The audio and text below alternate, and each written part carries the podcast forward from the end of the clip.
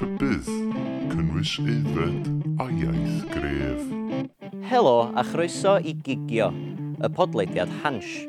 Yn y podleidiad yma fydda i Howell Pitt, y cerddor, digrifwr a social justice warrior, yn siarad efo gwesteion arbennig am sut beth ydy gigs.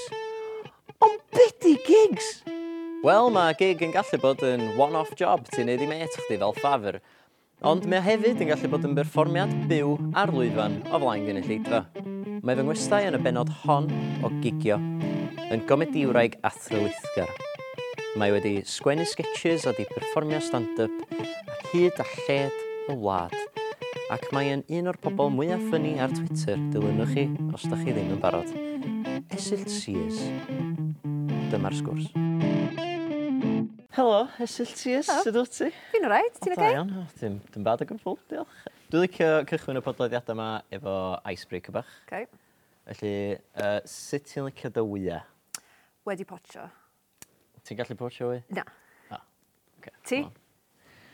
Wel... O, okay, iawn, na. Mae'n teimlo bod ti'n gofyn hwnna i fi nawr, fel bod ti'n gallu datgelu. Wel, ti... di, oh. di mi froliad e, yeah. ond uh, dwi'n dwi, dwi, dwi reid dda'n potio wy. Okay. Yeah. Fa fath o uh, freewheelo gyda just, just sosban y dŵr?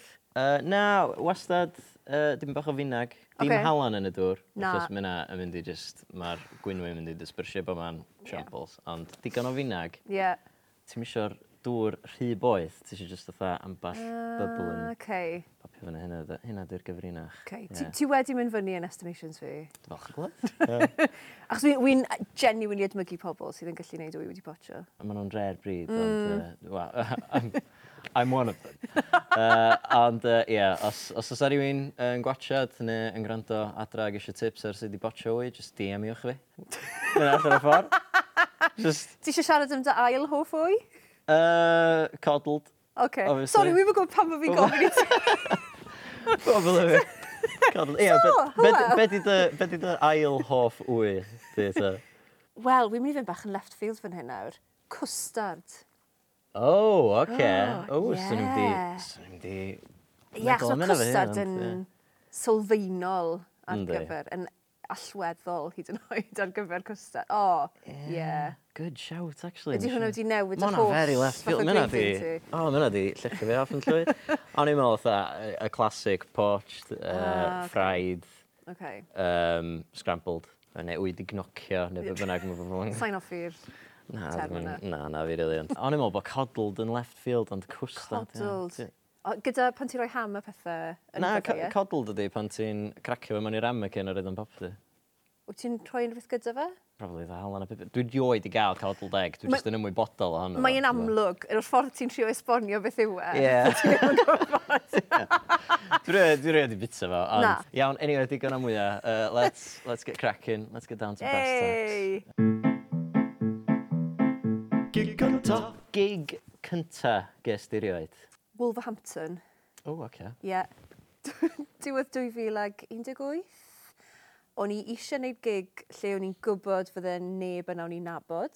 Yeah. So bendant ddim yng Nghymru. Um, a trio mynd wrth y ffin mor bosib, mor bell a phosib. Um, hefyd, oedd yn... Again, just, di Wolverhampton ddim hynna o bell o'r ffin, really. Na, na ond wedyn, ond wedyn oedd unrhyw bell, bellach na hynna yn teimlo fel gormod o commitment. Oh, yeah, so, actually. Gig gig cynta, yeah. ti'n isio fatha mynd i Ipswich? No, no, na, yeah. just marw. so i'n fel, oh, great. Rei, oce, okay, yna yeah. i fi'r chwech awr adra, just yn teimlo'n sori dros y hyn. Ie, yeah, so Ond oedd e'n weird hefyd, achos o'n i, o'n i, o'n i wedi bod eisiau gwneud ar spel, ac o'n i ddim... Mae'n anodd pan ti'n dechrau comedi, achos mm. ti ddim yn gwybod lle mae'r gigs. Na. Ti ddim? Yeah, na. Ti ddim yn gwybod lle mae'r open mics. Ti ddim yn gwybod ti fynd ar yr open mics. Achos mae gyda pob open mic system wahanol. Mm. Mae rhai ohonyn nhw ti jyst yn gallu troi fyny. Mae rhai ohonyn nhw ti'n gofod rhoi den lawr cyn y diwrnod. Ond mae, just, mae mor... Yeah. Sa'n gwybod pobl yn sylweddoli pa mor anodd yw e. Yeah. I just fynd mewn i'r byd yna. Mae pob angen rhyw fath o guidance neu rhyw yeah. mentor i gychwyn yng Nghymru. Oes, ti'n iawn. Yeah. Pwy oedd dy mentor di? Ellis James. Good, good mentor yeah. to have, i fod yn deg. Chwarae teg, achos fel... Um, achos o'n i, on i wedi nabod Ellis cyn com wneud comedi o bethau, ond dyw e ddim yn cofio bod yn nabod fi cyn neud comedy sydd yn really weird, ac yn neud i fi edrych fel idiot. uh, no. Ond nath e, chwarae teg, cyn i fi fynd, nes i just weid drycha, e, wy ddim eisiau gwneud big deal o hyn, ond os oes gyda ti unrhyw tips, ti'n gwybod, a nath e sgwennu treithawd fel, wy'n mynd i gyhoeddi fe rhyw ddiwrnod. Achos oedd e'n anhygoel, nath e dreulio gymaint o amser yn meddwl am beth ti y broses, a siwt fydde ti'n teimlo ac yn y blaen, a beth ddyle ti'n neud, a beth ddyle ti ddim neud. Oedd e just, ie, yeah, oedd e'n briliant. Oh, A'r peth pwysica, mm. oedd y mic, achos wedodd e, beth sydd yn mynd i ddangos i rhywun bod ti'n fwy am amaturaidd na rhywun arall, yw'r ffordd wyt ti'n trin y mic. Yeah, so cer ar y llwyfan, cymryd y mic mas, symud y stand, a wedyn sefyll yna. Yeah. A bydd pobl yn meddwl bod ti'n gwybod beth ti'n neud. Hynna di'r hyrdl mwyaf, dwi'n meddwl. Mae e. A wy'n credu, achos ti'n ti, ti perfformio lot hefyd, mm. mae cael yr hyder yna allan nhw gyda lleidfa di yw hanner y frwydr. Ie, yeah, dwi, dwi reit ffodus yn y ffaith bod gen i wastad o fferin hyn oedd pan dwi'n neud y yeah. stuff comedy, so mae'r mic just yna. Mae hwnna'n wir, ie. Dwi'n gallu cuddio to. ac twyd, gig cyntaf, ac hefyd, beth oedd yn waith am y gig yma oedd, um, mae cystadleuaeth e. o dde. O, oh, fatha un o'r, fatha, ti'n gael mae gen ti oedd King Gong a falle yn yeah, Lerpwl. Ie, yeah. ond oedd hwn tyma bach yn eisiach achos Funny Women, mae'n ma fath o sefydliad sydd yn trio hyrwyddo comedi ymlith menwod. Oh. Funny Women Awards, a'r heswm nes i ddewis hwnna, achos o'n i'n meddwl falle bydde fe'n awyrgylch eitha neis, achos yeah, mae ar gyfer menwod oedd e. Chris Awgar, uh, Ie, ti'n gorfod poeni yn byti dynion yn chwibanu neu'n gweiddi a pethau hefyd. Yeah, to fel yeah. na nhw. Mm, oh, yeah, absolutely. I know what we're like. Ydyn nhw? O, oh, wastad. Ie, ie, ie. Dyn nhw methu helpu hynna. Just jeans rhythm's gyda fi. Yn fwriadol? Ie. O, wrth gwrs, ie. Ti'n gorau gael bach o sex appeal. Oh my god, wyt. Ah. Ie. Mae oh. bod yn ffynnu ac yn sexy'n rili anodd, ond wy'n credu bod hmm. ni'n llwyddo i... O, Os, os oes dau berson yng Nghymru yn llwyddo i fod yn sexy ac yn ffynnu, ni ydy'r dau berson yna. Sorry, Tudur. Sorry, Ted. Ti'n... Ond, ti bron yna, bron yna. So ie, yeah, so, so oedd hwnna'n... Oedd yn ffain, achos o'n i ddim wedi mynd yn disgwyl ennill. O'n i just eisiau gwneud gig cynta, ti'n gwybod? So oedd e ddim hmm. pwysau cysadleuaeth. Yeah. Ond oedd neb oedd yna'n gwybod pwy o'n i, ac o'n nhw ddim yn gwybod mai dyna tro cyntaf o'n i'n perfformio. Sut ath i? Amazing, achos ges i, ges i actually just rhwngth y tu a fi, achos fi ddim yn licio siarad am ti pethau fel un, ond ges i fy enwi fel one to watch. O. Ie. Yeah. Ar ôl yr un cynta. Mae hwnna'n excellent first. Ie, yeah, fi gwybod. Fel oedd e ddim yn berffaith o bellffordd, fel fi ddim wedi defnyddio dim o'r deunydd. Ie, yeah, mae one to watch yn awgrymu lot o potential. Ie, yeah. yeah. so leia i fi wedyn oedd yn teimlo fel, oh, wi ddim jyst yn cael midlife crisis. Dwi'n meddwl leiau comedy fod yn gystadleuaeth, rili. Na, na. Pob, jyst bod mor vulnerable ac... Ie, uh, yeah, a mae comedi mor subjective hefyd. Yn union, ie. Yeah. Ond, twyd, fel, wy'n cofio gyrru lan na, a o'n i'n methu teimlo'n heg yr holl ffordd. teimlo'n sick, ti'n gwybod, fel really yeah, sick. Yeah. A fi'n credu dyna beth sydd wedi newid eitha lot fel o feddwl, heb y pandemig, wi ddim wedi bod yn gwneud comedi yn hir iawn. Ond beth sydd wedi newid eitha lot yw mae'r nerfusrwydd wedi mynd eitha oh, okay. lot. Fel wi'n hmm. nerfus just cyn mlaen y llwyfan. Yeah. Achos yr eiliad yna ti fel, o falle na i jyst anghofio fe rhwng fan hyn a fyna, mm. a falle bod fi di, ddim wedi darllen yr, yr gynulleidfa'n iawn, a so, gallu unrhyw beth yn o'i le, yeah. ond fi ddim wedi teimlo'n sic fel na. Hwna, er, er hwna ddwy'r unig tro, ta oeddach chdi wastad fel O ie, na, o'n i'n nerfus. O, ie. I'r pwynt lle oedd mam arfer gweithio fi, ti'n gwybod, esil dwi ddim yn gwybod pam ti'n neud hyn i dyna. Ond mae yna rhywbeth, a wy'n siŵr neud i gytuno, pan ti'n perfformio, ac yn enwedig pan mae fe'n mynd yn dda, mae e mor addictif. Yndi, mae o- mae o'n neud o wertho, dwi'n meddwl. Ydi. yndi? Dyna di. ie. Ydy. Allan o'r 5 gig gwael, os, os yw'r chweched gig yn gret, mae'r 5 gig gwael na wedi bod werth e. Do. A mae'r un fel killer. Mm, cytuno. Ie. Gig gora. Gig gora. Gig god, mae'n edrych fel sydd fi ddim wedi paratoi nawr, achos mae'n edrych fel bod fi'n trio meddwl. Ond beth yw yw, o'n i methu dewis rhwng dau. O, oh, just, just dyda'r ddau, ydy? Wel, achos yn ddiweddar, so yn y pandemig, ges i wneud gig um, ar gyfer gwyl gomedi mach yn ar gyfer Class. Radio Wales.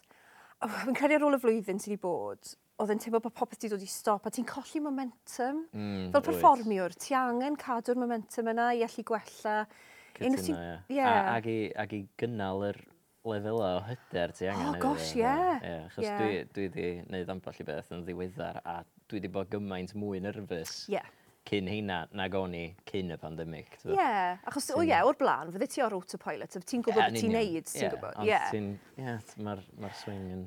Ie. A plus, da ni wedi bod yn...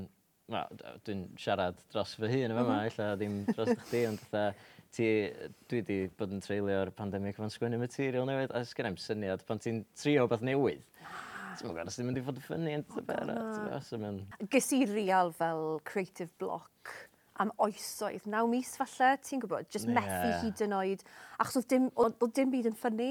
Yeah. Achos oedd pethau tu allan i'r pandemig, just ddim yn berthnasol. A wedyn o'n i ddim eisiau sgwennu am bit i'r pandemig, so oedd yeah. fel, yeah, mae'n horrible. Yeah. Ond na, oedd y gig yna, oedd e just yn teimlo, um, oedd e'n teimlad really nice bod rhywun wedi gofyn i fi yn meddwl, twod, bod pobl dal yn cofio bod fi'n bodoli yn un peth, ti'n gwybod. Ond oedd y gig na, nawn wedi llwyddo i gael tua 400 o gynulleidfa oh, rhithiol, ac o ti'n gallu clywed nhw. O, mae hynna'n anodd yn edrych yn edrych. Dwi fel, ie, yeah, mwy plis, mwy, jyst eisiau ymolchi yn hwn i gyd. A oedd e just yn lyflu, achos dwi'n credu erbyn hyn hefyd, mae'r gynulleidfa mor hapus i allu bod mewn cynulleidfa ar gyfer mm, rhywbeth. Yes, a mae'r perfformwyr mor hapus i yeah. allu just neud. Nes i rili really joio fe. A fel, ie. Yeah. So, nath e neud i'r pandemig deimlo bod e ddim, ddim wedi dyfetha popeth. Doedd e yeah, bach yn edrych hard. Dwi'n meddwl na bwynt yn ystod y pandemig lle ddech chi dweud sa'n byd byth yn mynd i fod yn ffynnu eto. It's na. over. Comedy's over. Fi'n gwybod. Yeah. Achos fi'n fi gweithio gyda'r um, Live Comedy Association, so fi sydd yn cynrychioli Cymru ar y bwrdd.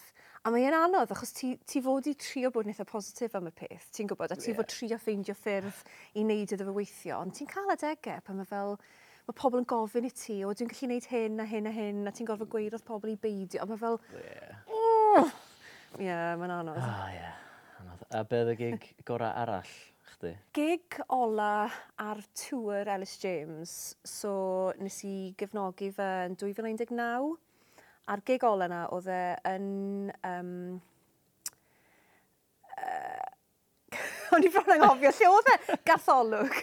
Ah, ie, yeah, Gig ola yn gartholwg, ie. Yeah. A wy'n credu achos oedd e jyst yn broses o um, gefnogi rhywun, achos ni erioed wedi cefnogi neb o blaen. Mm. A mae cefnogi rhywun yn rili really anodd. Achos mm. dyw pobl ddim wedi dod i weld ti. Na, ie. Yeah, yeah. A maen nhw'n gorfod eistedd trwyddo ti gynta. a hyd yn oed os wyt ti'n ffynnu, mae e fel ddim dyma pa maen nhw yma. Maen nhw eisiau mm. gweld. A mae Ellis, mae e'n gymaint o superstar yng Nghymru nawr. Mae pobl yn caru fe. So oedd real fel vibe Beatles, ti'n gwybod? Fel, ie, yeah. ni mai wel Ellis. fel. Oh. A nawr, Esil Sears. Helo! Um, bydd Ellis ma'n mewn munud, fath o beth, ti'n gwybod? Ond erbyn diwedd y run, o'n i wedi ennill lot o hyder, ti'n gwybod, a okay. o'n i'n gweld fy hunan, o'n i'n deall y rôl oedd gyda fi mm. i fath o hmm. twymo nhw lan. Yeah. Ac o'n i actually eitha mwynhau, achos weithiau, be gei di gyda um, uh, warm-ups, newn nhw ddim sôn am yr act sy'n dod ymlaen, ond o'n i wedi dechrau bitio am beth am beth i Elis. Ac oedd hwnna'n eitha neis, achos oedd e'n creu rhyw fath o wyrgylch eitha da. Fel... Ie, mae'n teimlo bron eitha yn deuluol rysyn. Ie, yeah, hollol. Ac twyd, ac oedd Elis wedi treulio gymaint o amser ar y rhawl gyda'n gilydd hefyd, oedd gyda fi lot o grievances. a dath nhw gyd mas. So, ond oedd, ie, yeah, oedd yr un yna'n briliant, ac oedd e fel diwedd rili really neis i'r run a oedd e'n really hapus hefyd achos oedd e'n teimlo bod e wedi cyrraedd lle oedd e moyn bod ar gyfer recordio'i sioe ac yn y blaen. So oedd e just yr holl beth, ti'n gwybod? O, oh, fel, ie, yeah, nes i really joio hwnna. Gig gweitha. Gymaint o hwyl ag ydy trafod gigs gora. Uh, Dwi'n teimlo fatha blot o'r storys gora am y gigs gweitha. A mae yna lot. Os, mae yna ma wastad mwy o gigs. Gweld y gigs da, yeah. Ond oes. Be os a un yn sefyll allan i chdi fatha yr absolute gweitha? Gig cynta ar Tŵr Ellis. O, oh, ie. Yeah. Yr un daith? Ie, yeah, yr un daith. So, ma na yeah, fel ti'n gweud, mae yna loads o gigs gwael. Mm. Absolutely mm. loads. Bydd na loads o bobl yeah. sy'n watcho hwn nawr wedi gweld fi, siwr o fod, yng Nghymru rhywle, a wedi meddwl, oh my god, mae hi'n rybys. Yeah, yeah. Pan bod hi dal yn cael ei bwco i wneud pethau. um, a mae'n rili really anodd yng Nghymru fi'n credu, achos ti yn mynd i ddod ar draws yr un gynulleid fawydd. A... Wyt, wastad. Yeah. yeah, yeah. so, ie, yeah, fi'n sori os dethwch chi un o'r gigs gwael. Ond oedd y gig cyntaf eto, nerves fel, achos Ellis, fel fi'n parchu fe fel ffrind a fel comediwr, fel fi'n... Fi ni'n ffrindiau, ond fi'n massive big fan hefyd. So fi just fel, twyd, fi'n meddwl bod be mae fe wedi llwyddo i wneud, um, ddim just yn Lloegr, ond comedi Cymraeg, mae e fel sydd wedi deall beth mae cynulleidfawydd Cymraeg moyn, mm. a wi dal yn stryglo gyda hwnna. Mae o'n rili really dibynnol ar y gynulleidfa, mm. dwi'n meddwl. Ie. Yeah. Achos mae lot o gynulleidfaoedd Cymru yn bobl parchus, yn bobl capal. Ie. Yeah. Nes i gael uh, un gig ma yn uh, llew ddu, neu'r llew gwyn, neu wbeth yn tal y bont. O ie, ie. Mae'r ma, ma ddau yna, maen nhw drws nesaf i gilydd. Yn dweud y gwybod, a dwi'n cofio par un. Ond un o hynna, uh, ac um, o'n i yn uh, gig efo'r Welsh Whisperer oedd e, okay. ac oedd na bobl yna oedd jyst yn mynd i bob dim oedd yn digwydd yn y llew, yeah. dyn neu gwyn. Na, llwyd. Na ni alw yn y llew llwyd am y tro. So, oedd na oedd na bobl y locals, yeah. pobl parchus, pobl mhm. capal. Mm -hmm. Isio cefnogi stwff Cymraeg. Isio cefnogi yeah. stwff Cymraeg.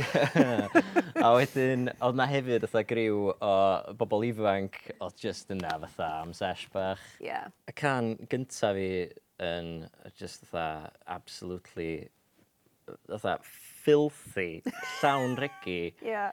Y linell gyntaf, fatha, uh, uh, mae Jeremy Corbyn yn berygl i ni gyd efo'i agwedd orion di'n garol a'i left-wing policies. Sut fydra ni cael ffydd mewn dyn sydd ddim yn canu'r Queen achos oedd yn y cyfrol yeah. yna mae'r boi yn waith i'r lad ma'n ar Syrian refugees. Ac oedd y pobl... Gyda mae hwn yn hilarious. Fel, oh, yeah, yeah, diolch, yeah. yeah Mae'n ma swnio'n ddoniol iawn. Yeah. yeah. yeah. ac oedd y pobl capo fa, dwi'n dwi siŵr os nath nhw ddim dall yr eironi ta be, ac yn meddwl bod fi o ddifri, ta os oedden nhw jyst i pechu am bod fi'n rhegi, ond absolute right. stonewall response. Yeah. Dim gwen, dim Na. un byd. Yikes. Just fel that. throughout. A wedyn nath nhw just ddim percio fyny. Ie, yeah, mae cynulleidfaoedd Cymraeg yn, ie, yeah, fel ti'n gweud, maen nhw'n ma nhw mixed bag. Maen nhw'n very mixed bag. Ie, yeah. neu wedyn, hyd yn os dyn nhw ddim yn barchus, weithiau maen nhw just moyn fath o smut.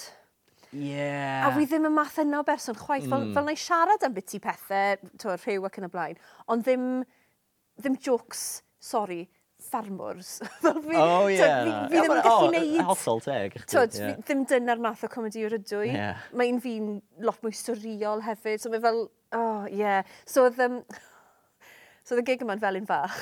Oh, oce, okay, yeah. yeah. Mm. Ac actually, bach o home gig i fi, achos o'n... Ie, yeah, dim, dim yn bell. Ddim yn bell, a dyna lle o'n i arfer mynd i weld fel pantomime, to, Juju, Javin Jenkins a pethau fel yna. So, teimlad yeah. really thing yn beth i fel un fach. Ystafell reit fach yn oen fach ynddi. Achos dwi wedi chwarae yna efo fo'n cabaret style, so ah, ella bod wedi cael okay. dalt. Oedd e'n edrych yn eitha ma. Pan o'n i ar y llwyfan ar ben fy hunan yn trio fel... Siwr bod o'n pac, dyfyd oedd i Ellis James yn amlwg. So, yeah. yeah, exactly. So, yeah. Wel, beth oedd yn waith ti'n gweld? Achos ar ddechrau'r tŵr, bydde Ellis yn dod ymlaen gynta ac yn esbonio beth oedd yn mynd mlaen ac yn, twyd, a wedyn yn cyflwyno fi. Ac oh, oedd okay. hwnna'n wath Achos oedd wedi rhoi bach o flas iddyn nhw mm. o mm-hmm. Ellis James. Yeah. a nawr o'n i'n oh, torri ar draws hynna. Ac oedd e ddim yn ofnadw, fel, twyd, nath pobl chwerthin, so oedd e ddim fel tawelwch na dim byd, ond nath dau beth ddigwydd ar ôl y gig nath wneud i fi deimlo fel crap. Oh, God. so, nath y person oedd yn rhedeg yr, y lle ddod ato fi ar y diwedd a gweud, unprompted, fel nes i ddim gweud yn byd wrtho fe, nath e i just fynd, pa'i poeni, wy'n credu nhw'n dawl, achos nhw'n jyst yn gwrando. Oh, fel, oh no. Dwi, dwi wedi ah! cael yr un adbort gan bobl hefyd. Ie, yeah, a mae jyst fel hefyd, nes i ddim gofyn, fel yeah, shush! Mm. Achos ar ôl gig, fi ddim yn licio siarad yn neb. Fel fi'n licio yeah. just cael bach o amser i decompreso. A wedyn ar y ffordd nôl, oedd Elis o fi'n gorfod gyrru nôl lawr i Gaerdydd. A oedd, um, ac oedd y person oedd yn mynd i fod yn cynhyrchu sioe yn gyrru. So, ni ar y ffôn yn edrych ar Twitter a nath rhywun rhoi fyny rhywbeth ar Twitter. Ochs yna rhyw joc yn y fe, beth ti... O, fel, fel pan ni'n gweithio ti, bod mam weithiau'n gweud, o, es ysau'n gwybod pam ti'n pam ti'n gwneud oh, hyn yeah. i ti hunan. A nath hi just sgwennu rhywbeth fel, ddim yn tago fi fewn iddo fe, gweud bod i gael noson greu gael ei sgrin. Ond o ran esill, dwi'n credu falle dyle ti fod wedi gwrando dy fam neu rhywbeth fel yna. Oh, okay. Jesus. Ond beth oedd yn hilarious oedd, oedd hi wedi tago Ellis ynddo fe. Ac oedd Ellis yn cefn y car, so oedd hi wedi gweld e hefyd. Ac oedd e y ddau o'n i just fel, what? So oedd hwnna jyst yn rili really anodd, achos oedd e oh, fel... Mae'n mae anodd, wi ddim yn berson sydd yn gallu cymryd um, criticism yn dda anyway mewn bywyd. Ie, yeah, ella bod chdi yn y... Fi'n gwybod, fi'n gwybod. Ah. Ond ti'n oedd e just fel... Um, Ti'n gorfod o wedyn atgoffa dy hunan fel, Ti'n bydd Elis yn di gofyn i fi, ti'n se hwn yn mynd i jeopardise. so, e yeah. Ond ti'n gorfod chwarae meddyliau e fel, oedd e just yn wael achos y gig cyntaf y tŵr ac o'n i moyn iddo fe fod yn gret. Ac oedd y yeah. ddau beth yna jyst wedi really... So am, am y gigs nesaf, oedd e really di bwrw yn hyder i mwy. Yeah. So dyna pam wedyn oedd gartholwg mor... Gymaint gwell a oh, mor ti'n bod, ie, yeah. yeah, wi yn gallu neud hyn, ti'n bod. Gig dyfrydol. So gen ti ultimate gig? Ie. Yeah. Be fysa? So, Fi'n credu bydd a lot o bobl yn gweud fel Apollo, sell-out yn yr O2, mm. um, i fi, achos wy'n just yn dwlu a gigs bach, gigs bach tywyll, ond sydd yn rammed. Mm, yeah. Just neb yn hammered, ond maen nhw wedi cael cwpl o ddrinks, so maen nhw jyst yn eitha loose, ti'n gwybod? Mm -hmm. A ti'n gwybod y stwff. So rhwle i fi, rhwle fel um, uh, comedy cellar yn Efrog Newydd, lle pobl fel Jerry Seinfeld a Amy Schumer a Sarah Silverman, ti'n gwybod, maen nhw yeah. gyd yn rhywle fel yna. Mae e lawr llawr, mae e mewn selar, mewn lle mm. tafod yn pethau. Ie. Yeah, Hence i comedy fi. cellar, wrth gwrs. Ie, fydd really weird os yna'n gwch. Ie, yeah, um, yeah, rhywbeth fel yna i fi, ac yn Efrog Newydd, lle mae, lle mae pobl eraill ti'n edmygu gymaint wedi perfformio. Yeah. Yeah. Dwi'n dall yn union pam sa chdi'n dewis fel. Fatha, dwi ddim yn dall comedians sydd efo uchel geisia o chwarae stadiums. Mm. Yr un mwyaf fi wedi gweld, ys i weld um, Rod Gilbert yn y CIA. Oh, Hwna yeah. yw'r fenyw mwyaf wedi bod iddo. Mae gyda fe ddawn ddo, mae a mae'n amlwg, mae wedi bod yn neud ers blynydde. Do. A mae gyda fe, mae'n projecto i bersonoliaeth a'i lais A mae pobl yn dwlu arno fe, dyna'r peth. Wy, ti mm. dim ond yn gallu neud e pan mae pobl yn gwybod pwy wyt ti. Wel, ie, ti beth yn i werth y... Ti eisiau chwarae o'r ugain o bobl. O ie, maen nhw'n barod twyd, hanner y frwydr wedyn. Maen nhw'n hmm. na, maen nhw'n mynd i fwynhau be bynnag ti'n neud. Os ydych chi yn chwarae uh, Ydy dawan hypothetically, so chdi chwarae uh, comedy salad. Gwrando, um, na, na, na i wneud thing i'r camera nawr. so... Ie, yeah, gwrdd ta, ie. Yeah. Bydd rhywun yn watcho hwn, fydd yn nabod rhywun sy'n nabod, wy'n gwybod, Daniel nath symud mas i, e. o, oh, ti'n gofio Daniel yn mynd i Efrog Newydd i weithio yn y byd busnes. Um, ie, yeah. bydde fi'n hapus iawn i wneud gig yn Efrog Newydd, diolch. nice.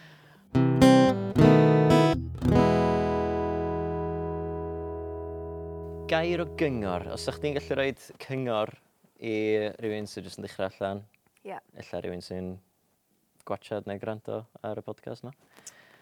Ie. Yeah. So, be fysa'r cyngor? Wy'n credu, wel, falle dau, chos maen nhw fath yn uno.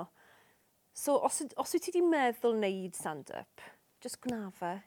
Mm. Paid poeni am y person yn ysgol oedd falle ddim yn meddwl bod ti'n cool neu paid meddwl am biti pobl yn gwaith, neu paid, me, to, paid meddwl am dy fam.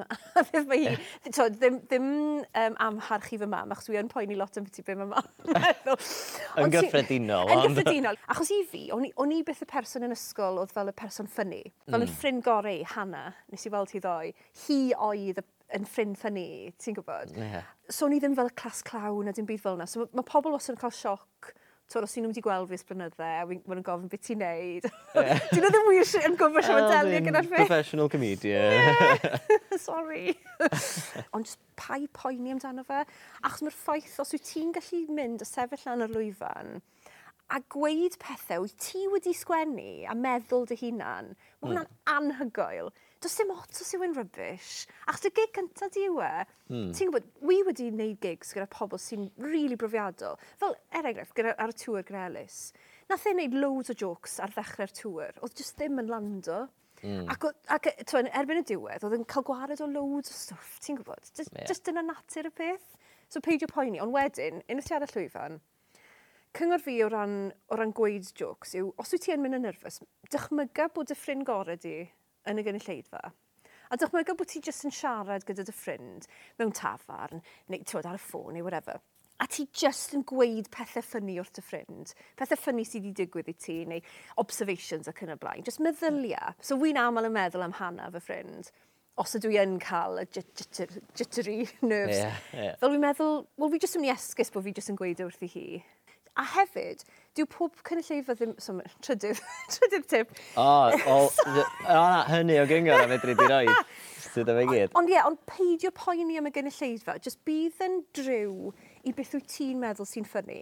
Mm. Achos wi wedi cael yn al yn y trap o'r blaen, o trio sgwennu pethau wi'n meddwl mae pobl mae'n clywed. Ond yeah. actually, ti'n meddwl, dwi'n pethau wi'n sgwennu yn byti, dyn nhw ddim yn hollol the empathy. Ti'n Nid, nid pobl, bydd rhywun yn gallu uniaethu. Uniaethu gyda beth wy'n gweud. A mae fel gyda yeah. cyddoriaeth, ti ddim yn mynd i licio pob genre. Na, ti ddim yn mynd i licio pob canwr. Yeah. So mae'r un peth gyda comedi. Mae yna ma load o gomediwyr anhygoel mas yna. Wi ddim yn ffyst yn byty.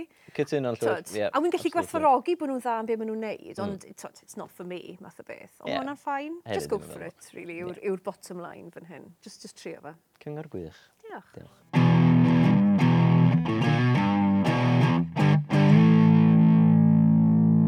Da ni'n gael hmm. gêm o gair am air, os ti'n mynd, Iawn. Ti'n edrych yn nerfus. Fi'n edrych yn nerfus iawn, sori. Just nice, nice and easy. Okay. Just yda'r gair gyntaf sy'n dod i dy ben. Iawn. Adra, Bow Street. lliw, Porffor. brechdan, Ham.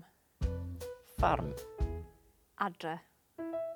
Ww, ffwtbol, Cymru. cwm, Rhondda. anifail, Ceffil hunllef. Jackie Soch.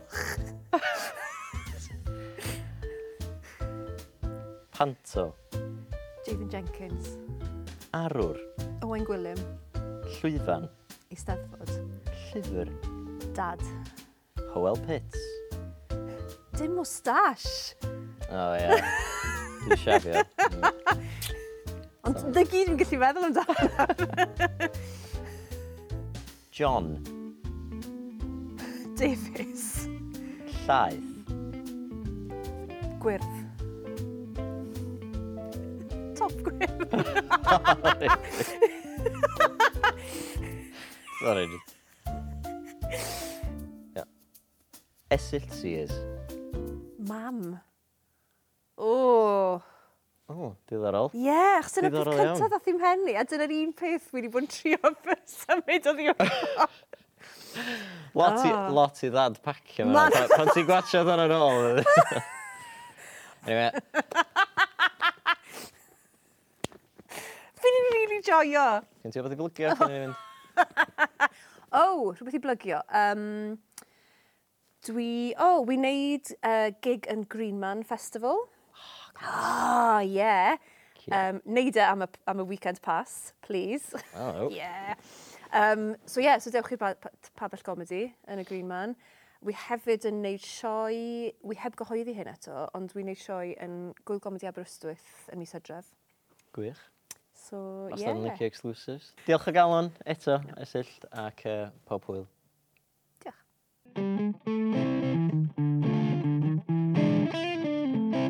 Wel, dyna ni. Howell Pits dwi, uh, rhanwch, hoffwch, tan ysgrifiwch a tan y tro nesaf. Hwyl fawr am y tro.